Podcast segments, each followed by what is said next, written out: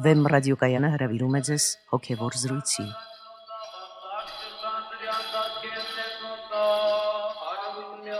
Սիրելի ունկնդիրներ, Վեմ ռադիոկայանի եթերում են արժանապատիվ Տեր Մեսրոպ Քահանա Արամյանը եւ Արա Սարգսակյան Նալչաջյանը։ Այսօրվա մեր զրույցը վերաբերում է փրկություն հասկացությանը։ Օրհնեցեք Տեր հայր։ Աստված օրհնի։ Տեր հայր, քրիստոնեությունը ընդունված է համարել փրկության կրոն, փրկության ճանապարհ, փրկության գիտություն եւ ավետարանն ինքը հենց կոչվում է փրկության ավետարան։ Եվ Քրիստոսի անունն իսկ Հիսուս թարգմանաբար նշանակում է փրկիչ։ Եվ առասարակ փրկության գաղափարը կարելի ասել, որ կարմիր թելի պես անցնում է ամբողջ Աստվածաշունչ մատյանով։ Օրինակ Սիմեոն Ծերունի Մանուկ Հիսուսին գիրկն առած ասում է, որ իր աչքերը տեսան բոլոր ժողովուրդների համար պատրաստված փրկությունը։ Ապաշխարող Զաքեոս Մաքսապետի համար Տերը ասաց, թե այսօր այս տանը փրկություն եղավ։ Իսկ Սամարացի կնոջ հետ խոսելիս ասաց, որ փրկությունը հрьяներից է, այսինքն փրկության մասին խոսում է ինչպես մի ակնկալվող բանի, արդեն մարդկանց կողմից ակնկալվող բանի։ Իսկ Աննա Մարգարեի ու դրվագում Սուրբ Գիրքը ուղղակիորեն մատնանշում է, որ Իսրայելում կար փրկության ակնկալություն փրկության սпасող մարդիկ կային, մարդիկ սпасում էին փրկության։ Եվ Պետրոս Արաքյալը Սուրբ Հոգով լցված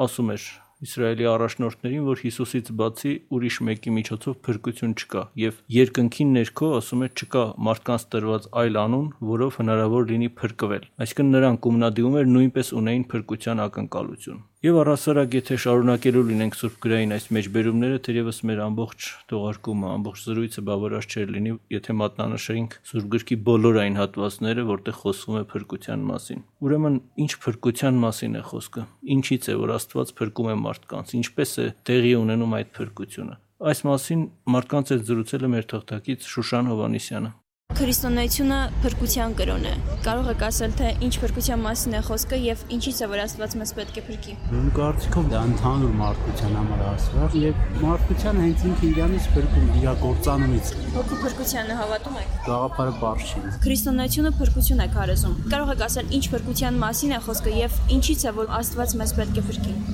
Դե գիտեք ինչ, փրկությունը այն չի, որ գան քեզ փրկեն։ Հոգու փրկությունն է այստեղ կարևորը։ Որ հոգով փրկված լինես, չընկնես այս անպետ այլադավան բաների մեջ։ Հայ ազգը 2000 տարի այդ փրկության գաղափարով գալիս եկել ասել է մինչև հիմա։ Հայ առաքելական եկեղեցին ասել է մեզ, հասցրել է այս աստիճանը։ Հոգու փրկության գաղափարին հավատում եք։ Հա, շատ Եթե ես դավանում եմ մեր առաքելական եկեղեցին, ուրեմն հավատում եմ։ Ձեր կարծիքով միայն հոգին է, որ պետք է փրկվի, թե մարմինը եւս։ Դա արդեն ես չեմ կարող ասեմ, բայց հոգին կփրկվի, մարմինը չէ։ Տեղեկեք, որ քրիստոնեությունը փրկություն է քարոզում, ինչ փրկության մասին է խոսքը եւ ինչից է որ Աստված պետք է փրկի մարդուն։ Եվյան հավատներից եւ դժվար կյանքից, մեղքերից Հավատում եք հոգու փրկությանը։ այո, հավատում եմ։ Ձեր կարծիքով ինչպես պետք է հոգին փրկվի, այ կարող ասել։ Չեմ կարող ասել։ Երևի ոչ մեկ չի կարող ասել, միջև չմահանա եւ իր փորձով չզգա դա։ Իսկ ինչ է կարծում։ Միայն հոգին է որ պետք է փրկվի, թե մարմինը եւս։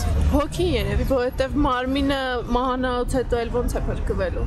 Քրիստոնեությունը քարոզում է փրկություն։ Կարող եք ասել ինչ փրկության մասին է խոսքը եւ ինչից է որ Աստված պետք է մեզ փրկի։ Փրկությունը չի կա մենք սա ապրում ենք կվերջանա ամեն ինչ։ Այսինքն ձեր կարծիքով մարդն ապրում է եւ այլևս գոյություն չի ունենում, այո, մայց է։ Այո։ Այդ դեպքում ինչու՞մն է իմաստը, որ մարդ գալիս է աշխարհ։ Այդ քիմիական բանը։ Այսքան ամեն ինչ գալիս է աշխարհ, տերևներն էլ գալիս են աշխարհ։ Ինչի համար են գալիս, որ մենք ասենք շատ սիրուն է այս դրամը։ Գալիս ամեն ինչ գալիս քիմիական է բանապատը, քանի միլիարդ տարի առաջ եւ հենց հիմա մեզ մեկ կենթանի ենք, երկու ոտանի կենթանի ենք։ Մեկ օրը կվերջանանք։ Քրիստոնեությունը փրկություն է քարոզում։ Այ կարող եք ասել, թե ինչ փրկության մասին է խոսքը եւ ինչից է որ Աստված պետք է փրկի մեզ։ Փորձ, չգիտեմ, փորձություններից, դժվարություններից պետք է Աստված փրկի մեզ, չարություններից եւ այլը։ Իսկ հավատում եք հոգու փրկության գաղափարի։ Հավատում եմ ես։ Միայն հոգին է որ պետք է փրկվի, թե մարմինը եւս։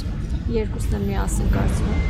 Դեր այդ եթե ամփոփելու եւ դասակարգելու լինենք արտահայտված կարծիքները, ապա կարելի է նշել հետեւյալները։ Աստված մարդկությանը փրկում է ինքն իրենից եւ ինքն իր գործունեության հետևանքով իրեն հասցրած կամ հասցվելիք կործանումից Աստված մարդուն փրկում է մեղքերից, նեղություններից, դժվարություններից, գոյություն ունի հոգու փրկություն, փրկվում է նաեւ մարմինը կամ չի փրկվում եւ մարդը երկոտանի կենթանի է եւ նրա մահով ամեն բան ավարտվում վերջանում է։ Նույն հարցերը այժմ հերթով ուզում եմ ուղղել ձեզ, Տեր հայր։ Նախ փրկության մասին այն առումով, թե ինչից է, որ Աստված փրկում է մարդուն։ Արդյոք այս կոնկրետությունները, ինչ որ մարդիկ նշում են, համապատասխանում են իրականության, այսինքն մեղքերից, զանազան նեղություններից, դժվարություններից, կործանումից եւ այլն։ Ուրեմն Աստված ոչ միայն մարդկանց փրկում է ինչ որ բանից, այլ նաեւ փրկում է ինչ որ բանի համար։ Այսինքն փրկություն հասկացողությունը դա չի նշանակում ինչ որ մի բանից սոսկ ազատագրում, թեպետ դա հենց փրկություն բառի ստուգաբանության առաջին իմաստն է, որ տալիս է նոր հայկազյան բառ գիրքը, այսինքն փրկել նշանակում է ազատել, ազատագրել։ Եթե ազատագրել նշանակում է ինչ որ մի բանից մենք պետք է հասկանանք թե ինչից բայց նաև կա փրկություն բառի մեկ այլ շերտ որը նշանակում է ինչ որ մի բան տալ որը նոր հայկազյան բարգիրքը ներկայացնում է իբրև կյանք տալ, կենսագործել։ Այսինքն Աստված ոչ միայն մեզ ազատագրում է ինչ-ինչ կապանքներից, այլ նաև տալիս է մի բան, որը որ մենք չունենք եւ միգուցե կորցրել ենք։ Եվ հենց եթե վերլուծելու լինենք փրկություն բառը, ապա կհասկանանք, որ մարդկային կյանքը ընդհանրապես մարդկային գոյությունը երկրի վրա ունի շատ լուրջ խնդրեմ, շատ լուրջ խնդիր ունի։ Պարզվում է, որ այդ մարդկային կյանքը մեծապես կապանքված է կամ ինչ որ գերության տակ է, կամ ինչ որ ստրկության տակ է, եւ այդ մարդկային կյանքին անհրաժեշտ է ազատագրում այդ վիճակից։ Դա բնական վիճակը չէ մարդու այլապես փրկagorցության կարիք չէր լինի։ Եվ երկրորդ բարձվում է, որ մարդկային կյանքը այն վիճակով, այն տխուր պատկերով, որ կա երկրի վրա, ճունի իր մեջ իրական կյանք, թեպետ եւ արտակնապես ֆիզիկական կյանքի նշաններ է ցույց տալիս։ Ինչ է նշանակում իրական կյանք։ Այսինքն նշանակում է կյանք հասկացողությունը այն չէ, ինչ որ որ մենք տեսնում ենք երկրի վրա։ Դա նշանակում է ինչ որ մի տեղից մենք վայր ենք ընկել Այսինքն ինչ որ իրական կյանքից ենք մենք զրկվել եւ կարիք կա որ մենք վերադառնանք մեր բնական վիճակին այսինքն մարդը երկրի վրա այս մեղավոր կյանքում չի գտնվում իր հոգու բնական վիճակում եւ եթե նայենք ամբողջ սուրբ գրքի պատմության վրա մինչեւ Հիսուս Քրիստոս, որ փրկիչն է աշխարհի, որով եւ տրված է փրկությունը։ Մենք ըստ էության տեսնում ենք, որ այդ ամբողջ պատմությունը փրկagorցության նախապատրաստության պատմություն էր։ Մարդկությունը պատրաստվում էր փրկության լույսը ընդունելու։ Ուրեմն դարեր շարունակ Աստված հայտնում էր, որ պետք է գա փրկիչը պետք է մարդկանց տա ինքը փրկության ճանապարհ, բայց միևնույն ժամանակ մարգարեների, արթարների միջոցով մարդկությանը նախապատրաստում էր, այսինքն մարդկությունը պետք է պատրաստ լիներ։ Դեր հեր դուք ասացիք, որ Աստված պատրաստում էր փրկությունը մարդկանց համար եւ նախապես քայլ առ քայլ հայտնում էր այդ մասին։ Այդ փրկության ակնկալությունը երբանից է, որ գոյություն ունի աշխարհում մարդկային ցեղի մեջ ընդհանրապես։ Դա նախ յուրաքանչյուր մարդու հոգու խորքում արձանագրված իրողությունը աղաղակ է, ճիչ է այդ փրկության ձգտումը, բաղձանքը, որովհետև դա մի հիմնարար ձգտում է մարդկային բնությունը ձգտում է դեպի աստվածային լույսը, դեպի այն երանությունը, դեպի այն կատարելությունը, որի մեջ որ ինքը արարված էր։ Եվ երբեմն անկատարության մեջ շատ ավելի խորն է ինքը գիտակցում, թե ինչու է իրեն պետք այդ կատարելությունը։ Եվ դա համաձայն Սուրբ Գրքի ոչ միայն սոսկրիական սпасում էր, այլ մենք տեսնում ենք այդ մոգերի գալուստով, որ արևելքի ամբողջ ժողովուրդներն էին սпасում այդ փրկության լույսին իրեն գիտեին թե ինչպես պետք է գա, այսինքն երկրի վրա կարմի շարավիղ, մի ժառանգականություն որից պետք է ծնվեր մեր Տեր Հիսուս Քրիստոս եւ որը դարեր շարունակ հազարամյակներով պիտի մաքրվեր, մաքրվեր, մաքրվեր, զտվեր, որպեսի դրանից ծնվեր Հիսուս Քրիստոս։ Ես նկատի ունեմ, ասենք հրեական այդ ժառանգականությունը։ Բայց միգուցե այդ ամբողջ ազգի իմաստը մեկ Մարիամ Աստվածածին ծնելու մեջ էր, որը կարող լիներ իր մեջ գրելու ուրեմն Աստծո որդուն։ Բայց գիտելիքի առումով մենք տեսնում ենք, որ շատ ժողովուրդների մոտ նույնիսկ ավելի ընդգծված կար այդ սпасումը, այն առումով, որ երբ նրանք եկան Երուսաղեմ, դեռ Երուսաղեմում չգիտեն եւ բոլորը իրար անցան, երբ որ նրանք հարցրեցին, թե որտեղ է ծնվել հрьяաների թակավորը։ Ուրեմն սա նշանակում է, որ սա շատ հիմնարար եւ խորը սпасում է եղել։ Այսինքն մարդկությունը շատ խորն է գիտակցել իր անկատարությունը եւ սпасել է փրկության լույսին եւ Հիսուս Քրիստոսով արդեն մարդկությանը տրվում է այդ փրկությունը այսինքն մարդիկ ոչ միայն ազատագրվում են մեղքի կապանքներից այլ նաեւ մարդիկ մտնում են իրական կյանքի մեջ ճշմարիտ կյանքի մեջ, որը տրված է Հիսուս Քրիստոսով եւ որի լրումը պետք է լինի արդեն վաղճանաբանական ապագային համընդհանուր դատաստանին, երբ որ արդեն սուրբերը պետք է ժառանգեն երկնքի արխայությունը։ Բայց Այդ փրկությունը իհարկե Հիսուս Քրիստոսով տրված է համայն մարդկությանը, բայց դա չի նշանակում, որ դա ավտոմատ տրված մի բան է։ Դա մարդկանցից պահանջում է հավատք։ Ինչպես Պողոս Արաքյալն է ասում, Աստուծո շնորհով փրկված եք հավատքի միջոցով։ Բայց սա ձեզանից չէ, այլ պարգևն է Աստուծո։ Մենք այստեղ տեսնում ենք, որ փրկությունը ինքնին պարգև է, բայց Պողոս Արաքյալը տալիս է մեկ կարևոր հանգամանք՝ հավատքի միջոցով մարդուն անհրաժեշտ է հավատք, որպեսի ինքը համագործակցի իր փրկagorցության հետ։ Եվ մեկ այլ տեղ Պողոս Արաքյալը ուղակի ասում է. ահով ու դողով դուք ձեր փրկության համար աշխատեցեք։ Այսինքն մարդուց պահանջվում է որոշակի վերաբերմունք այդ փրկagorցությանը եւ նաեւ պահանջվում է աշխատանք, հավատքի գործեր են պահանջվում։ Պողոս Արաքյալը այդտեղ ասում է ահով ու դողով գործեցեք ձեր անձերի կամ որոշ թարգմանություններում ձեր հոգիների փրկությունը։ Ինչ բան է այդ հոգու փրկությունը։ Հոգու փրկությունը անհրաժեշտորեն կապված է ամբողջ մարդու փրկagorցության հետ։ Այսինքն շատ հաճախ փրկություն հասկացողությունը ուղակի ամփոփվում է հոգու փրկություն հասկացողության մեջ, բայց հոգու փրկությունը մարմնի փրկությունից զետ չի լինում, այսինքն համաձայն քրիստոնեական վարդապետության հարուցյալ մարմինները պետք է վերամիավորվեն իրենց հոգիներին եւ այդպես մարդիկ պետք է կանգնեն դատաստանին եւ հավիտենական կյանք պետք է մտնեն հոգիներով եւ մարմիններով։ Իհարկե հարուցյալ մարմնի վիճակը, կարգավիճակը մեծապես կախված է հոգու վիճակից եւ ըստ էության ինքը ամբողջապես արտացոլում է տվյալ մարդու հոգեկան վիճակը, այսինքն առաքինությունները կամ մեղքերը։ Դրա համար, քանի որ ինքը փրկությունը զուտ հոգևոր հարց է, շատ հաճախ դա կոչվում է հոգու փրկություն, բայց պետք չէ մոռանալ, որ մարդ արարածի մեջ ոչ մի ավելորդ բան չկա ստեղծված, եթե ինքը ստեղծված է Աստուծո պատկերով եւ նմանությամբ։ Այսինքն մարմինը եւս մաս է կազմում այդ ամբողջության։ Այո, որովհետեւ նրա հոգևոր ամբողջ գործունեությունը նախ տեղի է ունենում մարմնավոր կյանքում։ Սա շատ կարեւոր է։ Եվ ամբողջ այդ փրկagorցության դրաման հենց մարմնավոր կյանքի մեջ է ծավալվում, թե ինչի է մարդը հասնում։ Դրանից հետո արդեն սպասողական վիճակ է մինչև համընդհանուր հարություն, եւ այլապես կարիք չէ լինի, որ Տերը ինքը մարմնանար։ Ուրեմն մարմինը դա ոչ թե անպետք է ինչ որ մի բան է, այլ դա արդեն քրիստոնեության մեջ դառնում է համահավերժ հոգուն, մեռելների հարության արդեն իրողությամբ։ Այդ դեպքում ինչու է առաքյալը ասում, երբ պետք է ազատվեմ այս մահկանացու մարմնից, ինչեւ որ այս ապականացուն անապականություն հագնի։ Առաքյալը խոսում է ապականության մասին, այսինքն ապականության մարմնի մասին է խոսում։ Շատ հաճախ մեղքը ընդհանրապես նույնացվում էր այդ ապականության մարմին հասկացողության հետ, բայց այդ ապականացու մարմնից ապականացու մարմնից պիտի ծնվի արդեն անապական մարմինը, որը պետք է հակնեն արդեն սուրբերը համընդհանուր հարության ժամանակ։ Հեմպես որ հոգու փրկությունը մեծապես կախված է մարմնի նաև կարգավիճակից, որովհետև մարդուն տրված է մեկ երկրավոր կյանք, մարմնավոր մեկ իրողություն, որպեսի ինքը այդ կյանքի ընթացքում հասնի փրկության եւ այդ ճանապարհը տրված է մեր Տեր Հիսուս Քրիստոսով։ Մենք ասում ենք Աստված մարդացավ, որպեսի մարդն Աստվածանա։ Այսինքն Հիսուս Քրիստոսով տրված է մեզ ճանապարհ, որը բացված է երկնքից դեպի երկիր, որպեսի մենք կարողանանք այդ ճանապարհով բարձրանալ դեպի երկինք։ Եվ հենց ինքն է ճանապարհը, ասում է ես եմ ճանապարհը, ճշմարտությունը եւ կյանքը։ Այսինքն միայն այդ ճանապարհով ընթանալով մենք կարող ենք հասնել ճշմարտության, ազատարար ճշմարտության։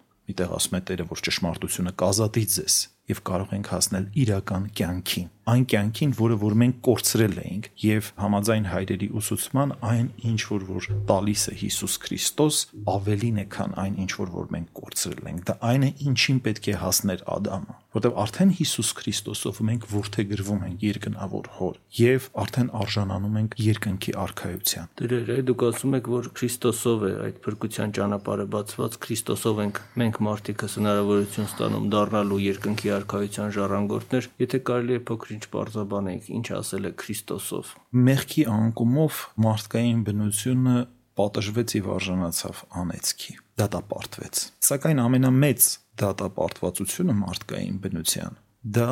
մահվան պատիժն էր այսինքն կարող ենք ասել որ մեղքով մարդկային բնության մեջ թափանցեց մահը եւ ապականությունը Եվ մա հասկացողությունը ոչ միայն ֆիզիկական հասկացողություն է, ինքը նախ եւ առաջ համաձայն Սուրբ գրքի հոգեվոր հասկացողություն է, որի իմաստը որն է էությունը։ Դա նշանակում է Աստծուց կտրված վիճակ, Աստծուց կտրված կյանք կամ կյանքի պատրանք։ Դա է ուղակի նշանակում։ Եվ այս առումով ուրեմն մեղքի հիմնական դեֆորմացիան, որը մեղքի պատճառով ստացավ մարդկային բնությունը, դա մահվան վիճակն է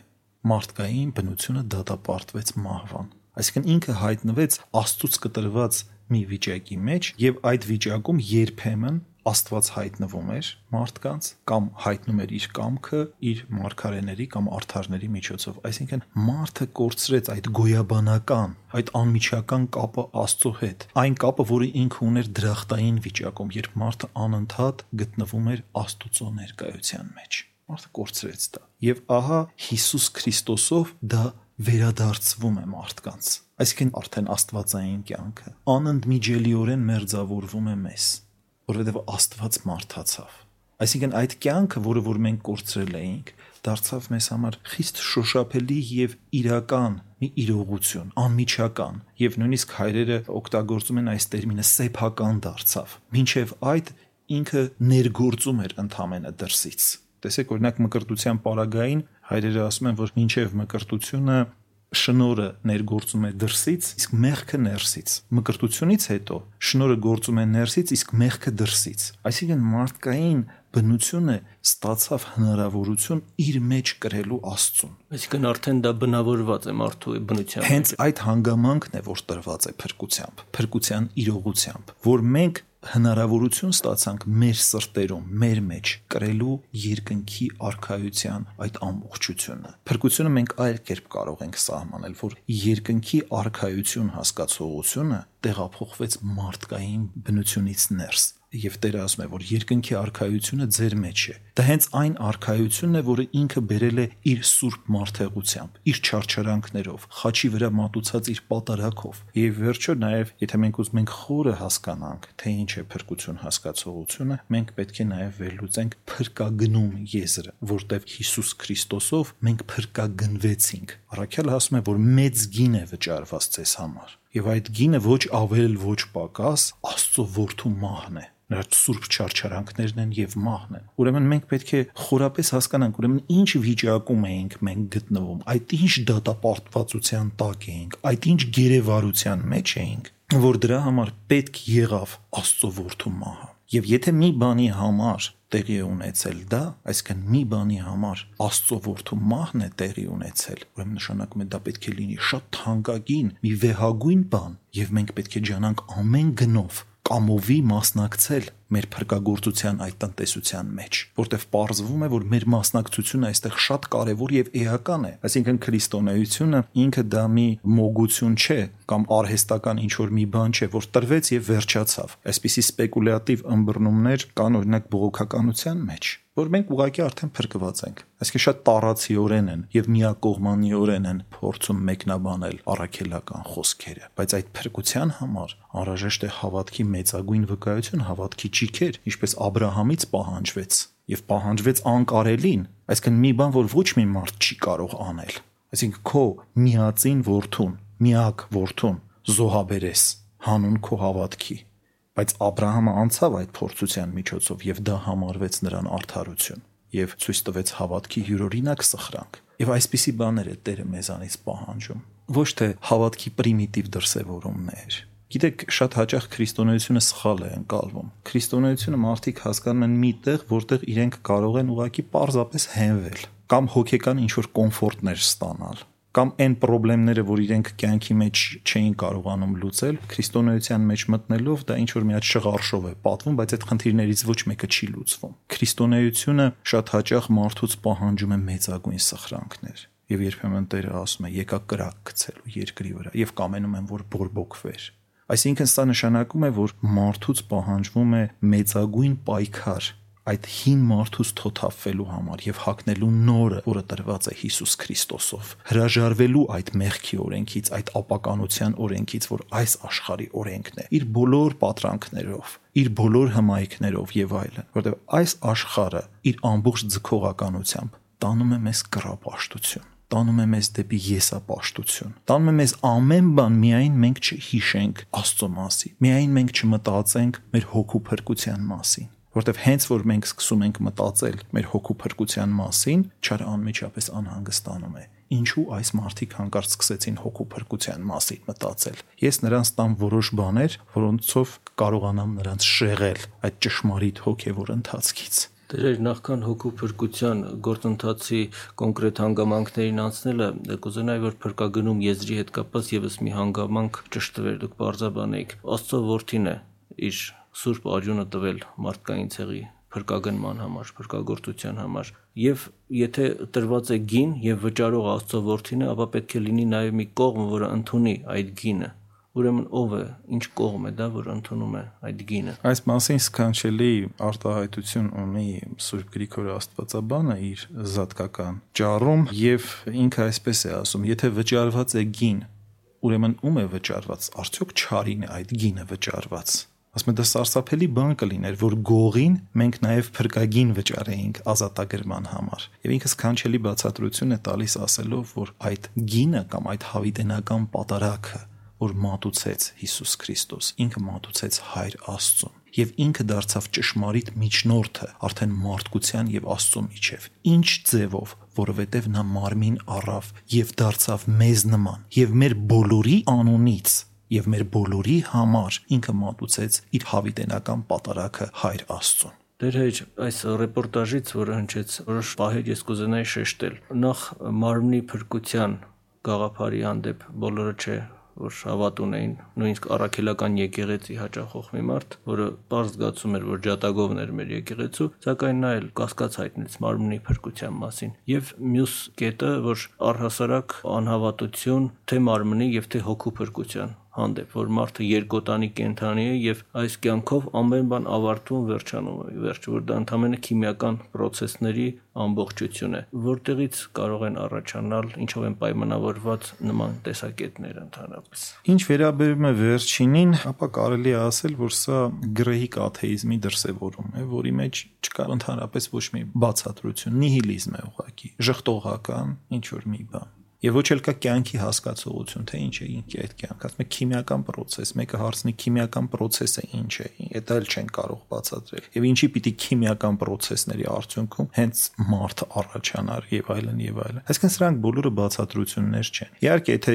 վերլուծելու լինենք այս ասվածը, մենք պետք է խորապես վերլուծենք ընդհանրապես աթեիզմի առաջացման սկզբնապատճառները։ Եվ աթեիզմը դա նոր բան չէ։ Դա ինչ որ 20-րդ դարում առաջացած ինչ որ մի երևույթ չէ կամ վերջին դարերում նկատի ունեմ առաջացած մի բան չէ, դա շատ հին արմատներ ունի։ Եթե մենք ուղակի Սուրբ Գիրքը ընթերցենք, օրինակ Սողոմոնի իմաստությունը ընթերցենք, այնտեղ նկարագրված է, որ մարդիկ ասեցին, որ վերջ, սա է կյանքը, սրանից հետո մենք պետք է մեռնենք եւ գնանք։ Ուրեմն ուտենք, խմենք, վայելենք, ձեռք դնենք արթարի վրա, կեղեքենք եւ այլն, որտեվ եթե նպատակը դառնում է հենց այս կյանք եւ այս կյանքի իրողությունները եւ ճոխությունները եւ այլն, այս երկրավոր, ուրեմն բարիքներն են դառնում մեր նպատակը, ապա ընդհանրապես մարդկային կյանքից նաև վերանում է բարոյականության օրենքը, որտեղ այդ բարոյականության օրենքը ինքը չի կարող որևէ բացատրություն կամ տրամաբանություն ունենալ ինչու չգողանաս, ինչու չհապշտակես, ինչու չկեղեքես եւ այլն։ Եվ բարոյականության առանցքը հենց Աստծո երկյուղն է։ Աստծո երկյուղը,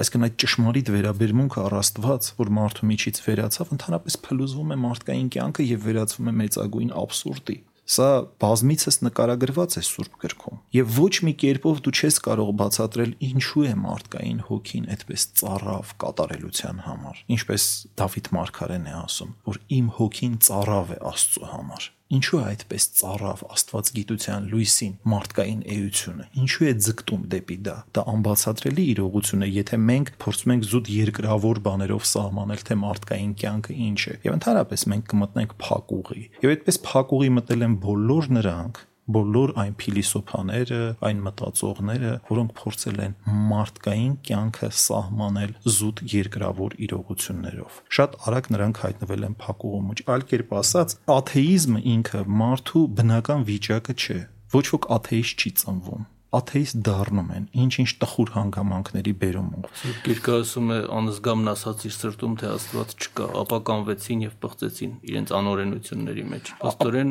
անզգամության հետ է կապ եւ նաեւ ասաց են ցույց է տալիս, որ իրոք աթեիստ չեն ծնվում, այլ դառնում են, այսինքն գալիս է կյանքում մի պահ, երբ մարդը հասնում է անզգամության որոշակի աստիճանի եւ ասում է, որ չկա Աստված։ Որտեւ հավատքը ոչ միայն խոսում է Աստծո գոյության մասին, հավատքը դա այն չէ, որ Աստված կա Աստծո գաղափարը շատ շատերն են ընդունում, բայց իրենք հավատքից դուրս են։ Հավատքը ուրիշ բան է ասում, որ շատ ավելի կարևոր է, եւ սա երբեք հաշվի չեն առնում աթեիստները։ Հավատքը ասում է, որ ոչ միայն Աստված գոյություն ունի, այլ Աստծո հետ հաղորդակցություն հաստատելու ճանապարհը սա է, եւ յուրաքանչյուր մարդ պետք է իր անձնական փորձառությամբ մտնի եւ ճանաչի։ Այլ կերպ ասած, հավատքի ճանապարհը այս առումով դառնում է խիստ փորձառական մի ճանապարհ, խիստ փորձառական մի գիտություն է անգամ դառնում։ Հավատքը երբեք կուրություն գիտություն չի ուսուցանում։ Եվ եթե դուք միլիոնավոր, միլիարդավոր հավատացյալների հարցնեք եւ դարեր շարունակ նրանք խոսել են եւ վկայել են եւ հիմա էլ, երբ որ նրանք այդ հավատքի ճանապարհով ընթանում են, նրանց հետ կատարում են որոշակի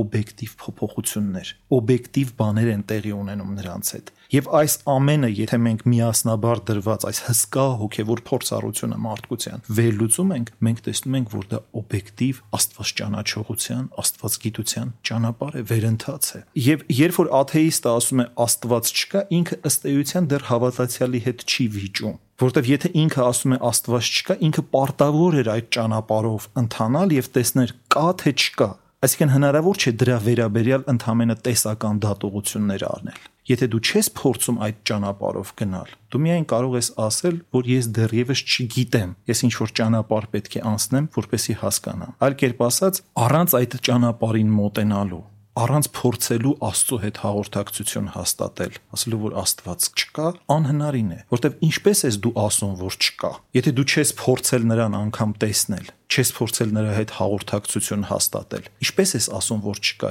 եւ քո չկան ինչ փորձառական արդյունքների վրա էր հիմնված։ Գիտական գիտությունը ընդհանրապես չի խոսում Աստծո գոյության մասին։ Դա գիտության պարտականությունը չէ եւ բեռը չէ։ Այդ բեռը 20-րդ դարում դրեցին գիտության վրա եւ գիտությունը ինքը կքեց այդ բեռի տակ, ճզմվեց այդ բեռի տակ։ Գիտությունը երբեք չի պատասխանում ինչու հարցերին։ Ինքը շատ մոտավոր պատասխաններ է տալիս ինչպես հարցին։ Փորձում է որոշակի օրինաչափություններ գտնել, բայց ինքը ինքը երբեք չի կարող սկզբնապատճառի մասին խոսել։ Եվ այսօր աշխարի բոլոր մեծամեծ գիտնականներն են դրա մասին խոսում։ Այլ կերպ ասած, ես կարծում եմ, որ 20-րդ դարով ավարտվեց գրեհիկ աթեիզմի, այսպես ասած, դարաշրջանը։ Մեծագույն էքսպերիմենտներ դրվեցին մարդկության վրա, հատկապես սովետական միությունը։ Դա աթեիստական ռոպագանդայի եւ աթեիստական գաղափարների ներդրման ամենահզոր մեխանիզմն էր, որ երբևիցե ստեղծվել էր մարդկության պատմության մեջ։ Ավելի հզոր սատանայական մեխանիզմ հնարավոր չէ գտնել անել։ Եվ ինչի բերեց դա։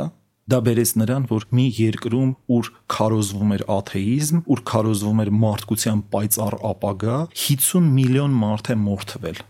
Ուղղակի 50 միլիոն մարդ են ոչնչացրել այդ երկրում գաղափարական, այսպես ասած, անհամաձայնությունների կամ կասկածանքների հիման վրա։ Այդ սովետական տարիների վերջում արդեն հոգեվարք էր ապրում այդ երկիրը, այդ երկրի գաղափարախոսությունը։ Ամբողջ երկիրը երեխայից մինչև մեծ պատմում էին անեկդոտներ արդեն այդ երկրի կառավարող համակարգի մասին։ Սա վկայում է, որ դա բարոյական ուղակի սնանկություն էր ոտից գլուխ։ Եվ նաև այդ արժեքները, որոնք նրանք ուզում էին մարդկությանը տալ, դա մարդու ներքին խորը ենթագիտակ արտաքսական շերտ մղված արժեքների, բուն արժեքների հետ մեծ կոնֆլիկտ ուներ եւ չէր ընդունվում մարդու կողմից դա արհեստական համակարգ էր Եվ հնարավորինս շուտ մենք պետք է թոթափվենք այդ գաղափարական աթեիստական գաղափարների այդ մնացուկներից։ Դա իհարկե գլոբալ շեղում է դեր, որը կարծում եմ առանցքային եւ հիմնական շտրիխներով արդեն շեշտվեց։ Սակայն այժմ անդրադառնանք այն մյուս խնդրին՝ մարմնի հարության պահին։ Պողոս Առաքյալ հռոմեացիներին ուղված իր թղթում ասում է.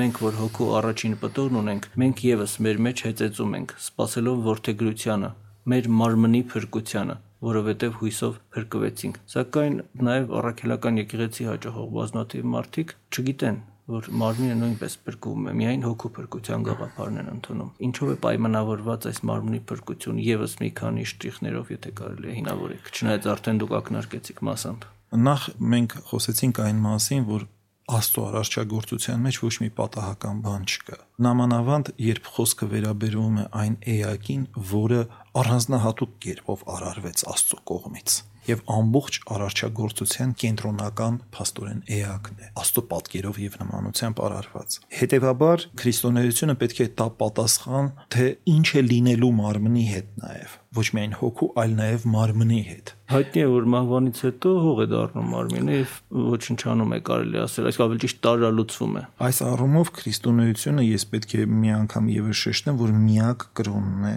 որ ամբողջական պատասխան է տալիս թե ով է մարդը եւ ինչ պիտի լինի մարդու հետ բոլոր կրոններում կա հոգու եւ մարմնի հակասություն քրիստոնեության մեջ էլ դա կա այդ հակասությունը հակասություն երկնքի եւ երկրի միջև որտեվ չկա այդ հաշտությունը եւ խաղաղությունը չկա չի երևում դա միայն քրիստոնեության մեջ է աստծո մարդեղությամբ երկինքը հաշտվում է երկրի հետ վերանում է թշնամանքը հոգու եւ մարմնի միջև եւ արդեն Քրիստոսի հարության մեջ, որը օրինակն է լինելու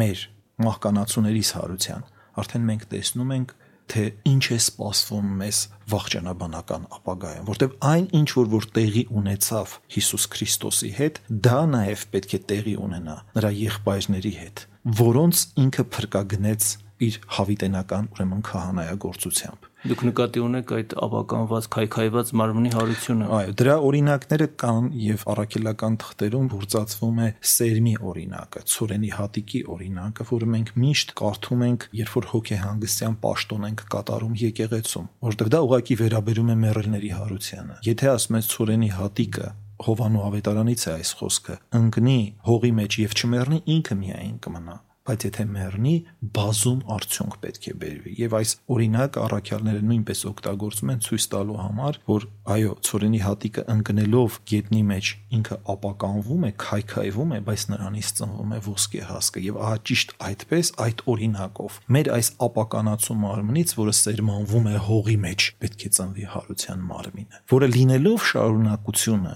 այս մարմնի ունենալու է արդեն անապական եւ հավիտենական վիճակ, այսինքն ինքը չի լինելու այս երկրավոր իրողությունների բռնադատությամբ սահմանափակված մի իրականություն, այլ լինելու է նոր հարուցյալ իրականություն, հարուցյալ մարմին եւ ըստ էության ինքը ունենալով նյութական տար իր մեջ ինքը լինելու է հոգեղեն Դրեր եւս մեկ վերջին հարց կուզենայի տալ, որը բաց մնաց մեր զրույցի ընթացքում եւ որին մենք նախատեսեցինք, որ պետք է անդրադառնանք։ Դա փրկության գործելու հանգամանքն է։ Ֆիլիպեցիներին ուղված թղթում Պողոս Արաքյալը հորդորում է, ասում է. «Ահով ու դողով գործեցեք ձեր անձերի փրկությունը»։ Իսկ Տիմոթեոսին ուղված երկրորդ թղթում նա խոսում է փրկության հասնելու մասին։ Ինչ ասել է փրկություն գործել եւ փրկության հասնել եւ ինչպես դա պրակտիկ կյանքում պետք է իրագործել քրիստոնյան ինչ անի Ուրեմն նախ մենք ասացինք, որ փրկությունը իր գլոբալ առումով, փրկagorցություն հասկացողությունը տրված է համայն մարդկությանը որպես նվեր եւ ապարքև դրա հնարավորությունը։ Դա տեղի ունեցել մեր Տեր Հիսուս Քրիստոսի հավիտենական պատարակով, որն ամատուցեց մեզ համար։ Այսինքն յուրաքանչյուր մարդ ստացել է փրկության հնարավորություն, բայց յուրաքանչյուր մարդ պարտավոր է աշխատել փրկության շնորհի հետ։ Եվ սրանք արդեն կոչվում են հավատքի գործեր եւ առանց դրա հնարավոր չէ որ որևէ մեկը երկնքի արխայություն մտնի մեզ տրված է դա բայց մեզանից անպայման պահանջվում են որոշակի ճիքեր, բարոյական գործեր են մեզանից պահանջվում, հոգևոր գործեր են մեզանից պահանջվում,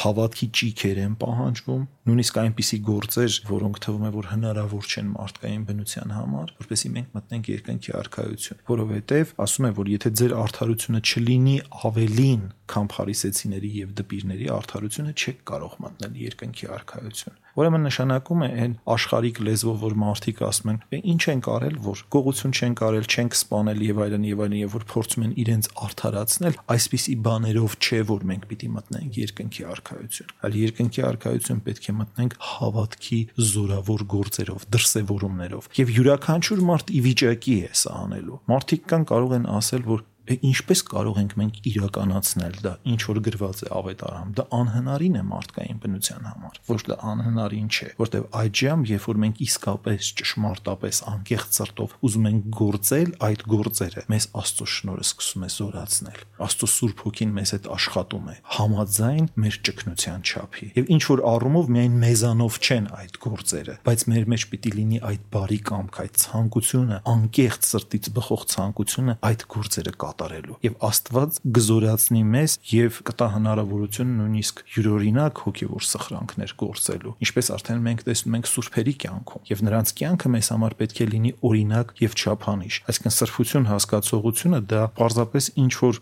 արտոնյալ մարդկանց համար տրված հասկացողություն չէ դա բոլոր մարդկանց է տրված եւ ամեն մարդ պետք է իր մեջ բացահայտի այդ սրբության վեհությունը։ Սա է կյանքի իմաստը։ Դա փրկություն գործելու մասին էր, ինչ որ դուք ասացիք, իսկ ինչ է նշանակում փրկության հասնել։ Այդ գործերով եւ Աստծո ողորմածությամբ մարդը հասնում է հոգու փրկության, բայց որևէ մեկը այդ փրկության մասին չի կարող մինչև վերջ խոսել, մինչև համընդհանուր դատաստան։ Միայն այդ ժամ պետք է վճռվի, թե արդյոք մենք արժանի ենք փրկության, թե ոչ։ Եվ այն մարդկանց մասին, որ մենք մտածում ենք միգուցե արժանի չեն, կարող է իրենք ավելի արժանի լինեն, որտեղ իրենք ավելի խոնար են, եւ ոչ թե այն գորոս եւ ինքնահավան արթարները, որոնք գզրկվեն Աստծո լույսից։ Եվ բացի դրանից նաեւ պետք է մի բան եւս շեշտել, որ երբ որ մենք խոսում ենք փրկություն հասկացողության մասին, մենք պետք է հասկանանք, որ սա համընդհանուր եւ ունիվերսալ բան է, ինչպես Քրիստոսով տրվեց համայն մարդկությանը։ Այնպես էլ պետք է լինի մեկ համընդհանուր դատաստան։ Այլապես բոլոր մարդիկ ուղակի իրենց մեռնելուց հետո արդեն այդ մարդկանց համար գվճռվեր նրանց փրկության հարցը, բայց քանի որ նաև մենք էապես կապված ենք այլ մարդկանց հետ եւ մեր գործերով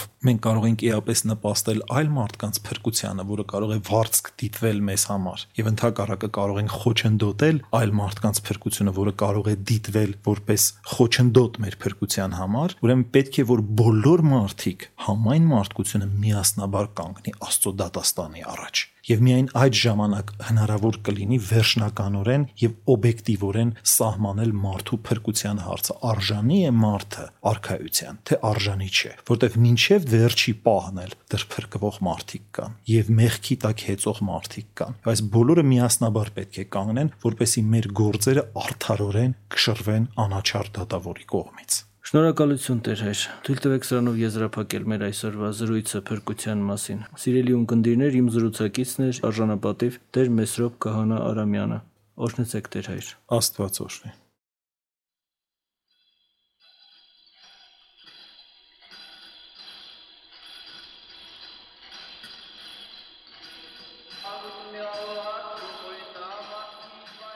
Հոգևոր զրույցներ հաղորդաշարի հերթական հաղորդումը վարեց Արաս Սարգսակ Նալչաջյանը։